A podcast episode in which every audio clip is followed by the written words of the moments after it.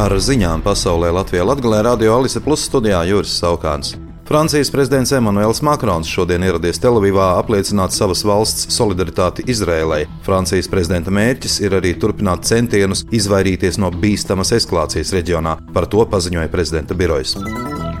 Vācijā vairākas skolas un radiostacijas šodien saņēma spridzināšanas draudus, kas ietekmēja arī Berlīnas centrālās dzelzceļa stācijas darbību. No rīta pēc šādu draudu saņemšanas evakuēta vidusskola Bavārijā, draudus saņēmusi arī RTL televīzijas stacija, Vilija Branta ēka un Sociāldemokrātu partijas birojas. Policija atklāja, ka draudi saņemti pa elektronisko pastu un saistīti ar palestīniešu kaujinieku grupējumu Hamas.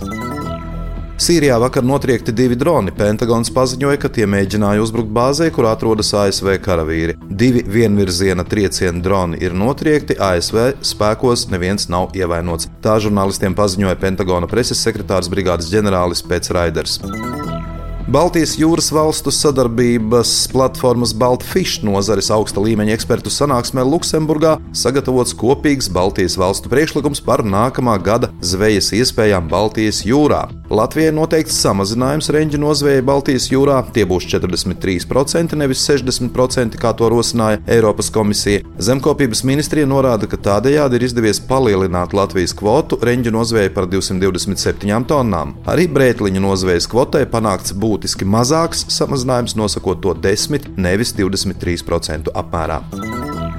Saimas budžeta un finanšu nodokļu komisija hipotekāro kredītu ņēmēju aizsardzībai domātajos grozījumos patērētāju tiesību aizsardzības likumā paredz 50% atlaidi hipotekāro kredītu procentu likmēm uz vienu gadu un plāno paredzēt arī hipotekārā kredīta ņēmēju aizsardzības nodevu, kuru maksātu bankas. Komisijas priekšlikums paredz noteikt hipotekārā kredīta ņēmēju aizsardzības nodevu par kalendārā gada ceturksni pusprocentu apmērā no nodevas maksātāja kopējās izsniegto hipotekāro kredītu atlikumu summu summas attiecīgā ceturkšņa pirmajā datumā. Pēc budžeta komisijas aplēsēm bankas katru ceturksni nodevas veidā iemaksātu aptuveni 20 miljonus eiro, jeb 80 miljonus gadā, un šie līdzekļi būtu pietiekami, lai sniegtu hipotekāro kredītu ņēmējiem 50% atlaidi. Ja kredītiestāde brīvprātīgi samazinās kredīta procentu likmi par 50%, hipotekārā kredīta ņēmēju aizsardzības nodeva kredītiestādēji jāmaksā nebūšot, tā paredz komisijas priekšlikumi. Bankas citadela valdes priekšstādātājs Jūhans Okerblums paudis neizpratni, kā šīs prasības ir plānotas plānots piemērot. Kurš par to maksās, kā tas tiesiski darbosies, kā uz to skatīsies Eiropas centrālā banka, vaicā Okarblūms. Viņš arī uzsvēra, ka ir grūti iedomāties, kā valdība var piespiest mainīt līgumu ar ikvienu hipotekārā kredīta ņēmēju, kas ir bankai. Tas, kas ir jāsaprot, mums ir līgums ar katru no mūsu klientiem. Mums nav līguma ar valdību. Es nesaprotu, kā to var likumīgi izdarīt, sacīja Okarblūms.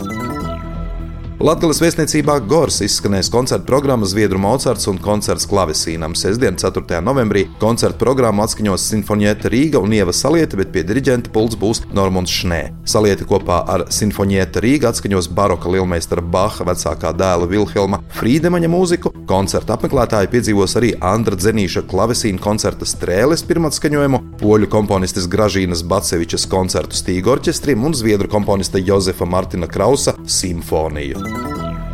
Līvānos Rīgas ielā sākti apvienotā velo un gājēju celiņu izbūves darbi, lai nodrošinātu velobraucēju un gājēju drošu nokļūšanu līdz Grīvas aktīvās atpūtas parkam, kuru veido attīsta un uztur biedrība Veloklubs Līvāni sadarbībā ar Līvānu novada pašvaldību. Lūk, tādas ziņas. Šodien studijā bija Juris Saukāns par ziņu raidījumu Ziņas bez robežām pasaulē Latvijā Latgalē saturu atbildīsijā Alise Plus. Projektu finansē Mediju atbalsta fonds no Latvijas valsts budžeta līdzekļiem.